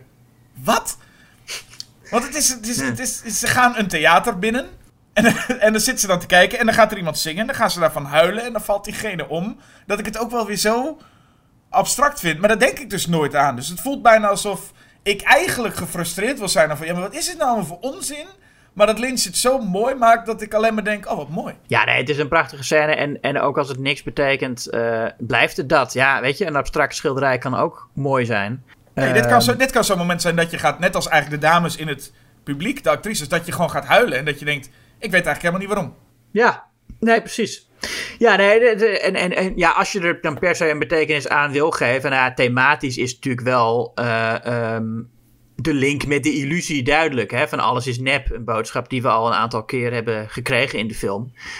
Dus qua thema is het wel ook eh, duidelijk eh, in lijn met de rest. En het is, kan ook machtig oninteressant zijn wat de betekenis eigenlijk, is, hè, soms. Ja, ja, ja, ja. Vooral als iets emotioneel je raakt. Ik heb wel eens gehoord dat je heb je een favoriet nummer waar je heel geëmotioneerd van raakt. En dan hoor je ineens wat de band of de zanger daarmee bedoelde. En dan denk je: kut, dit wou ik helemaal niet weten. Ja, ja, nee, precies. Ja, nee, maar ook, ja, eh, dat- mij doet dat dan eigenlijk wat minder, want het kan mij überhaupt niks schelen wat, wat een artiest ergens mee bedoelt. Maar ja, met muziek heb je dat ook. Dat is, dat, ik, ik had het net over abstracte schilderijen en ik zei, abstracte schilderij kan ook mooi zijn. Dan heb je ook mensen die zeggen, nee, abstracte kunst hou ik ook niet van. Het moet altijd ergens over gaan. Maar zelfs die mensen zijn vaak wel gevoelig voor muziek, weet je wel, en een mooie melodie. Ja, en een melodie betekent ook niks van zichzelf. Gaat ook nergens over. Nee, maar dan vraag je, je moet de meeste mensen ook maar vragen waarom ze een bepaald nummer mooi vinden. Ja, dan komt er meestal nooit iets uit wat dat iedereen nou heel goed kan onderbouwen waarom dat nou zo mooi is. Nee. En dan zitten wij hier met film dat altijd maar te doen. Waarom, waarom dit wel, waarom dit niet? Maar ja, daar kun je ook inderdaad van denken, ja, het is, het het mooi. Ja, nou, dat is mooi. Ja, nee, zo, zo, zo werkt heel veel van, eh, van David Lynch natuurlijk. Het is gewoon mooi, zoals muziek ook gewoon mooi is. En dan kun je het natuurlijk wel hebben over, over de technische kant ervan. Hè, zoals je over muziek, over ritme en, en, en toonwisselingen en zo kunt praten. En zo kun je bij Lynch ook praten over hoe hij een scène opbouwt en, eh, en, en belicht en, eh, en, en dat soort dingen. Ehm, en daar is hij, eh, de- de- ja, dat is gewoon allemaal ontzettend... eh, Mooi. Da- daar, daar, hij is, daar is hij echt heel, heel perfect in, vind ik, in deze film, zeker. Het contrast tussen die, die mooie, heldere... Nou, mooie... Ja, het zijn een beetje de tv-achtige scènes, maar ik vind ze heel mooi voor, voor hun functie in het verhaal. En dan inderdaad zo'n... Ja, zo'n zo'n zo'n neo-noir-achtige scène in dat theater. Eh, Ja. ja, met, met, met, die, met die mooie eh, eh, felle kleuren in, zo, in zo'n donkere achtergrond, ja. En ik vroeg me wel af, of in ieder geval, dat vraag ik me nu even af trouwens. Gewoon, of, of dan Twin Peaks, daar wilde Lynch natuurlijk misschien wel naartoe. En dat wil, vooral een studio wil dat graag, zo'n succes. Maar dit lijkt me een stuk minder toegankelijk dan Twin Peaks. Niet alleen maar de, de stijl, maar ook niet het dorpje, het stadje waar iedereen zich wel in kan herkennen, maar nu Hollywood. Hoe- hoeveel mensen zijn nou echt geïnteresseerd in het reilen en zeilen van Hollywood? Nou ja, je zou zeggen best veel, want het is een populair eh, thema in films. Wat er natuurlijk ook mee te maken heeft dat dat een wereld is die de filmmakers goed kennen en waar ze graag over eh, willen vertellen. Nee, oh, ik bedoel, oh, ik bedoel, ik bedoel ik, je weet ook dat de, de, de Oscar-mensen, die, die, die, worden, die worden helemaal geil als er een film over films gaat. Of Ja. het nou, of het nou eh, eh, The Artist is of Mank of wat dan ook, daar zijn ze helemaal dol op. Als het eh, lekker over die oude tijd in Hollywood gaat. Maar ik vraag me gewoon een beetje af, ik snap best dat Twin Peaks aansloeg bij een heel groot publiek. Heeft ook met de tijd te maken, maar ook met de, de thematieken. En dat is hier ook dit. Mulholland Drive is toch wel wat specifieker over iets meer een inside joke af en toe. Ja, maar ik denk toch dat het verhaal van een actrice die eh, groot wil worden in Hollywood, dat dat wel een, ja, een, een, een populair verhaal kan zijn, toch? Dat zou wel kunnen, maar Het is minder. toch, ja, dat, dat, het is toch een romantisch idee van Hollywood, de stad waar je, de, de plek waar je dromen uitkomen. Het stuk over de, de twee dames, zeker wel. Ik weet niet hoe dat bij mensen zit als ze ineens zien dat hoe regisseur Adam ineens op bezoek gaat bij een cowboy. Ja, Ja, en die cowboy die. Ja, want dat is eigenlijk een beetje het einde. Laten we eens even naar het einde springen. Daar is dan ook. Ja. eh, Betty is ineens weg. Rita is ineens weg. ja dit is allemaal gebeurd nadat de, in, in dat theater hebben ze een blauw doosje gevonden, hè? Oh ja. En zodra dat doosje opengemaakt wordt, eh, ja, dan, dan verandert echt alles. Dan zijn er, er lijken heel veel personages opeens inderdaad iemand anders te zijn. En dit zou het moment eigenlijk zijn wat Lynch later heeft gemaakt. Gok ik een beetje rond deze, dit moment. Want de Mulholland Drive serie zou waarschijnlijk een heel groot lang deel gaan over wie is Rita nu eigenlijk. Ja, dat zou kunnen. Ik gok dat dat de vrouw, voornamelijk een Oh. zoektocht was. Een beetje net als de vraag: eh, wie heeft Laura Palmer vermoord? Zou het nu zijn: wie is Rita nu eigenlijk en waarom zitten mensen achter haar aan? Hmm. En vanaf na dat theatermoment is het eigenlijk dan. eh, ja, komt er, een, komt een cowboy bij de slapende dame die zegt: Word wakker. En dan blijkt Betty Diane te zijn. De dame die dus dood eh, gevonden was. Ja, dat, dat is inderdaad. Dat, ze- waren er al achter dat er iemand Diane heette. En, en die hadden ze gevonden in dat eh, huis waar, waar, waar ze dat lijk eh, vonden. Dat was Diane, inderdaad. Ja. Ja. En ondertussen blijkt Rita, de actrice Camille. De actrice die, ja, de actrice zou moeten zijn in de film van Adam. Ja, de actrice die die mysterieuze schimmige figuren eh, eh, wilde voordragen als eh, de absolute hoofdrol in zijn film. Dat, is, dat, dat blijkt inderdaad Rita. Tot zover heb ik hem nog dus, ja. En Diane is ondertussen een beetje jaloers op Adam, lijkt het. Of, of jaloers ook op Camille. Ik weet niet precies, want zij is jaloers op Adam, want zij hebben een soort van romance, hè? Adam en Camille. Ja. R- Rita noem ik het dan maar even, want ja, in ieder geval die hebben een soort romance. En zij is jaloers op Adam omdat ze de liefde niet kan krijgen en op Camille omdat ze de rol niet heeft gekregen, zoiets. Nee, ze is verliefd op Camilla. Ja, en daarom, maar ze heeft ook toch de rol niet gekregen. En ze, en ze heeft de rol niet gekregen die eh, eh, Camilla wel kreeg, inderdaad. Ja. Ja, en, en dat, ja, en misschien ik- wat ook wel een eh, vrij veel voorkomende interpretatie is, waar ik me in kan vinden, is dat alles wat dus voor de, eh, voor de doos gebeurd is, allemaal in het hoofd van Diane afspeelde. Dat Diane dus zichzelf als een eh, optimistische en ook goede actrice eh, heeft gecast in haar hoofd die puur door haar talent overal, of niet overal, maar die, die, die, die, die, die, door haar talent echt uitblinkt en door zo'n castingvrouw wordt, wordt meegenomen. Maar die uiteindelijk toch niet de hoofdrol krijgt, omdat het in Hollywood nu eenmaal zo geregeld is dat er schimmige types zijn die bepalen wie de rollen krijgt. En dat is een beetje dat, dat complotdenken van. Ik, het, is, het is mij niet gelukt om, om deze rol te krijgen. Waarom niet? Nou ja, niet omdat ik eh, niet goed genoeg ben en ook niet omdat ik pech heb, maar omdat er een soort op de achtergrond spelen mensen en is er een complot en het zou altijd al Camilla geweest zijn. Ik, ik, ik had überhaupt nooit een kans. Dat is een soort geruststellende gedachte die ze zichzelf dan geeft in die, eh, in, in die droomwereld. Heeft zij in die droomwereld Robert Foster dan ook bedacht? Ja, ja, dat is, nou ja, goed, kijk, dat is natuurlijk, als je, als, je, als je dat zo logisch gaat benaderen, zijn er heel veel dingen waarvan je zegt, hoe zit dat dan? Maar dat is volgens mij wel een, een versie van het verhaal die eh, nou, op dezelfde manier als in Lost Highway, hè, de, waarin Fred een verhaal voor zichzelf maakt, maakt Betty hier een verhaal voor zichzelf en zet ze zichzelf neer als iemand die ze liever zou zijn en, en vertelt ze het verhaal zoals zij het zich zou willen herinneren. Ja, want ze gaat ook naar een, een eh, feestje. Een feestje van Adam, de regisseur. Ja. En komt daar ook de huurster tegen van eh, waar Betty haar eh, appartement had gehuurd. En dat blijkt dus de moeder van Adam die ze een keer ontmoet heeft. Dus zo kan het wel zijn. Dat voelt ook heel erg dromerig, toch? Dat je mensen die je ontmoet hebt ineens in je dromen terugkomen. Ja, Maar dan Ja. geef je ze ineens maar een andere rol omdat je ze niet goed kent of zo, weet ik veel. ja dat, dat is ook het, het Wizard of Oz eh, eh, idee, toch? Oh ja, ja precies. En, eh, en, en, en daarvoor Dr. Caligari. waarvan de, de spoiler voor die film, maar waar- waarvan de twist ook is aan het einde dat hij alles bedacht heeft en dat alle andere mensen in het gesticht allemaal rollen kregen in zijn verhaal. Ehm, ja, zoiets is hier ook aan de hand, denk ik. Zou dit nu alweer in de werkelijkheid zijn? Is dus dat zij... Nee, dat is dan weer de werkelijkheid. Dat Diane een... die dude inhuurt om hem... om haar af te maken. Camilla af Ja. te maken. Ja, nee, dat is, ik denk dat het zo gaat. Dat Diane inderdaad uit jaloezie en omdat haar eh, relatie met Camilla op de klippen is gelopen. En omdat Camilla de rol heeft gekregen die zij wilde. Dat ze om, om die redenen eh, een, een, een goedkope huurmoordenaar inschakelt om eh, Camilla dood te maken. Het zou wel leuk zijn dat ze dan een huurmoordenaar inhuurt... waarvan ze in haar gedachten nog een keer een scène voor hem had... waarin hij zo'n klungel was... dat hij drie mensen moest doodschieten. En dat hij denkt, nou ja... En toen was het wel het moment, toen dacht ik... ah, hier zijn we. Bij het stukje David Lynch waarvan ik denk, what the fuck... is als dat, dat blije oude echtpaar... in het klein uit een papieren zak komen lopen... Ja, uit, uit het papieren zakje dat, die, eh, dat de zwerver op de grond heeft, eh, heeft liggen.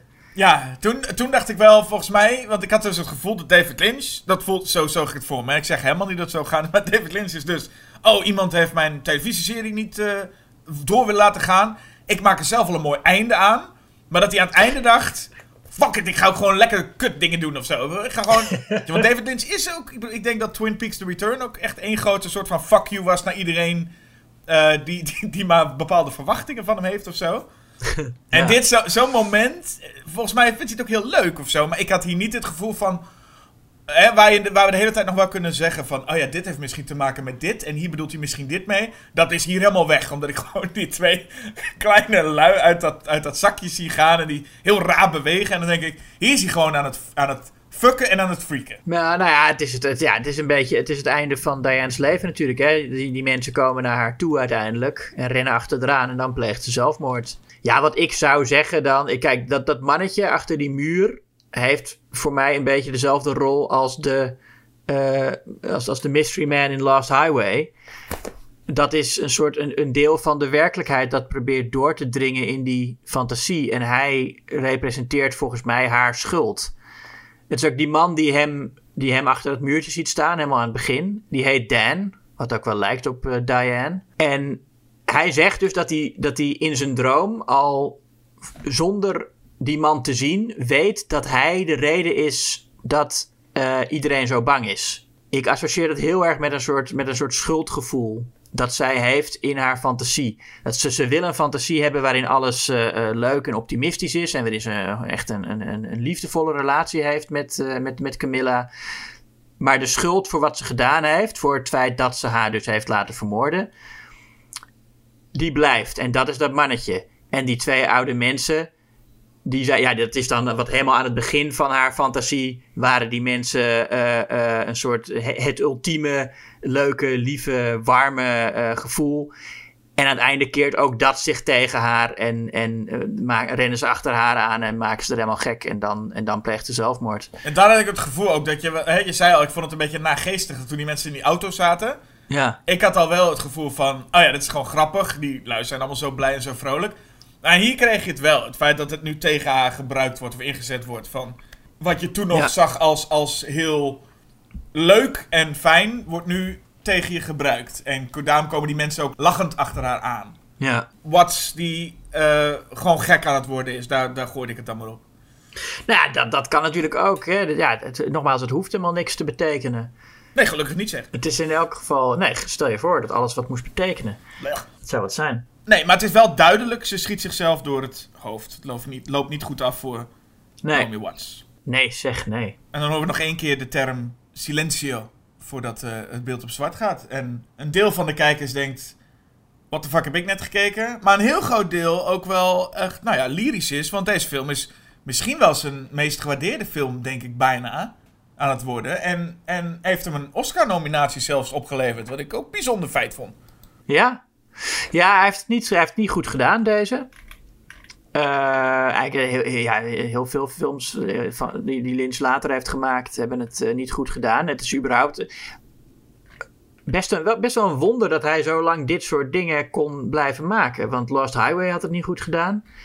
En deze ook niet. En daarna ging hij toch nog Inland Empire maken. Wat je zou kunnen zeggen, ik weet niet of dat, of dat vaak gezegd wordt, maar het derde deel in dan een, een thematische trilogie over Hollywood en, en neppe dingen en identiteitsverwarringen in, in Hollywood, zeg maar. Maar ja, dat is toch, toch gek dat hij, dat, dat hij nadat deze film dus eh, ja, geflopt was, eh, eh, met Inland Empire gewoon nog verder die kant op ging. Nee, ik denk wel dat dat toch de kracht is van Twin Peaks. Want ook Fire Walk With Me deed niet goed. Ja, En, maar ik denk dat hij, wat hij met Twin Peaks gedaan heeft. Ik bedoel, we kunnen allemaal zeggen dat is een, gewoon een goede serie. Een hele goede serie. Kan allemaal. Maar het was ook een hele belangrijke serie. Volgens mij heeft dat de televisie ook gewoon echt veranderd. ja zeker. zeker. En ik denk dat dat zo krachtig was. Dat het vanaf dat moment voor Lynch was. Nou, vanaf nu mag jij gewoon alles doen wat je wil. En ik denk zelfs dat Lynch dat gewoon uitgespeeld heeft zelfs. Dat er nog heel veel makers van een film of een serie met die impact van Twin Peaks... hadden nog jaren vooruit gekund. Maar ik denk dat hij af en toe het randje ook echt opgezocht heeft. En dat men naar Inland Empire... Ja, dat was ook wel klaar nu. Ik denk dat dat... ja, nou Star Lynch, nou is even genoeg. Ja, precies. Hij ging ook wel. Maar dat voelde ik echt. hoor. Toen ik Inland Empire ook zag, dacht ik ook echt van. Nu ben je gewoon, nu ben je gewoon echt aan het kijken hoe ver kan ik gaan. Die film die duurt dan volgens drie uur. Is, is nog lelijker en nog onbegrijpelijker. En. en, Ja, en- hij is, hij is eh, helemaal digitaal geschoten. Dat stond mij erg tegen de eerste keer dat ik hem zag. ja, maar hij filmt het inderdaad ja, digitaal geschoten. Hij filmt voornamelijk mensen in hun neusgat.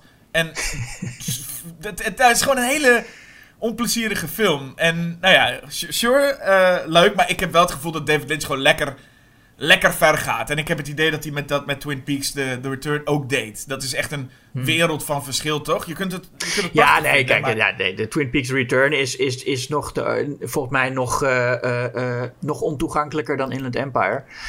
Ehm, ik vind bij alle, ik, ik kan van allebei genieten hoor. Ik vind Inland Empire wel een stuk minder dan Mulholland Drive. Maar ik vind dat er ook heel goede stukken in zitten. Maar ik vind wel, ja, soms gebeuren er dingen die voor mij. Nou ja, en dan is het niet dat het niks betekent, maakt me niet uit.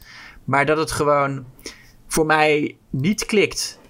Ja, zo, zo eenvoudig moet je het daar maar kunnen zeggen. Ja, dat, dat is dan op een gegeven moment ook het punt wat je kan maken van... Ja, voel ik hem ja of nee? Ik ben blij dat ik ze weer gezien heb. En ik denk dat dit wel voor mij bevestiging is dat ik binnenkort weer eens wat andere ook erbij ga eh, pakken. Want het voelt wel lekker, dat Lynch-wereldje toch?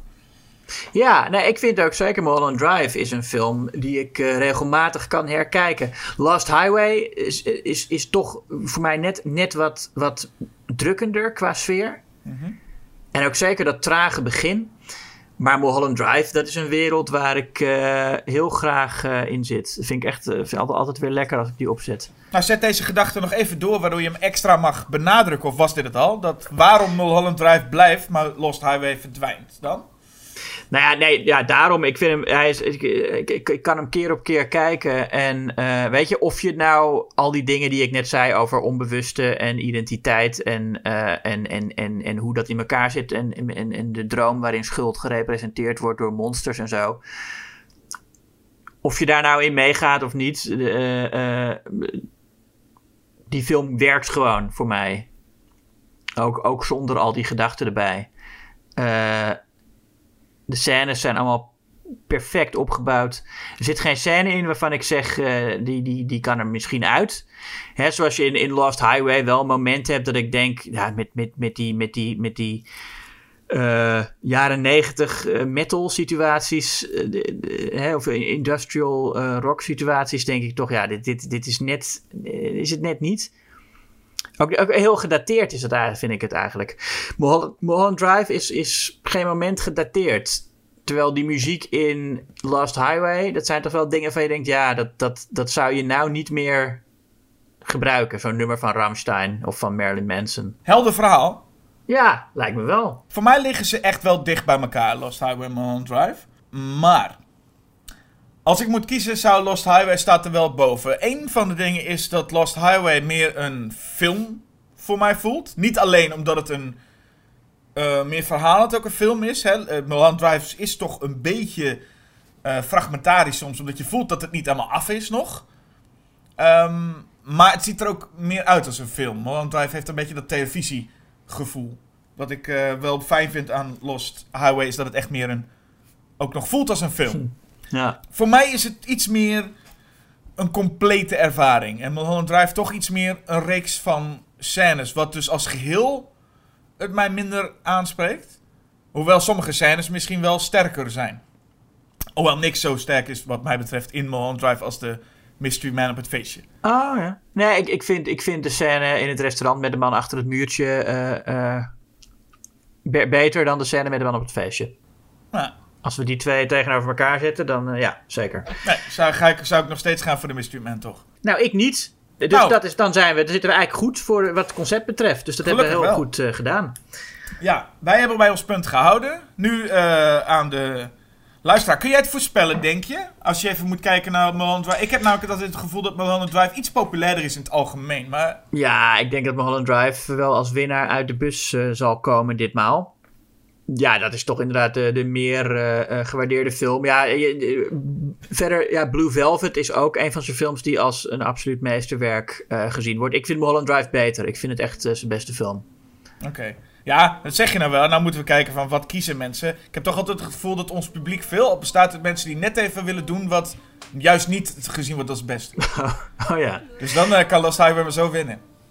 Ja, dat, dat straks zeggen ze allemaal dat ze June de beste vinden. Nou, ik geloof echt dat er heel veel mensen van die mensen er zijn.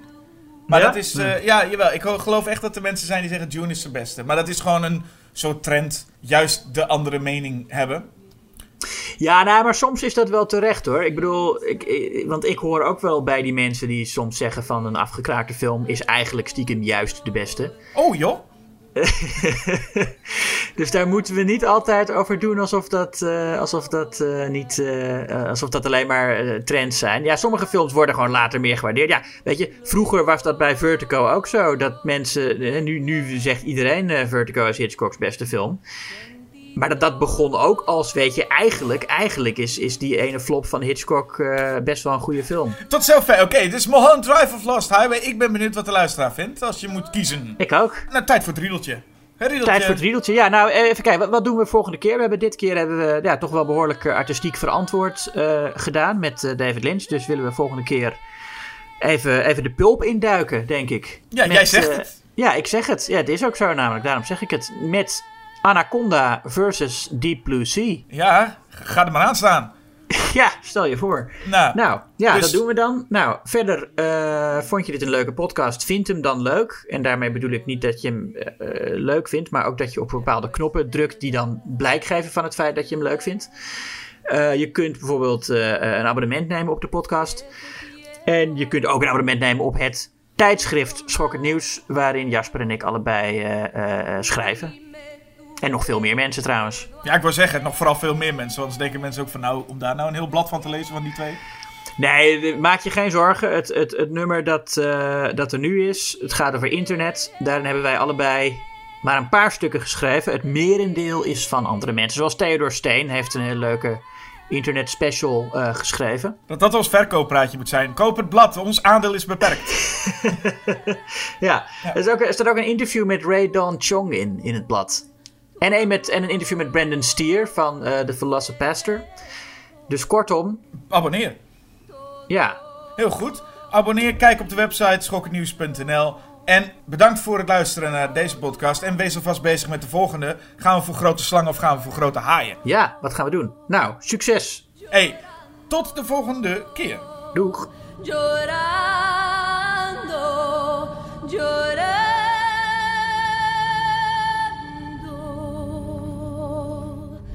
We've met before, haven't we? Where was it you think we met? At your house, don't you remember? As a matter of fact, I'm there right now.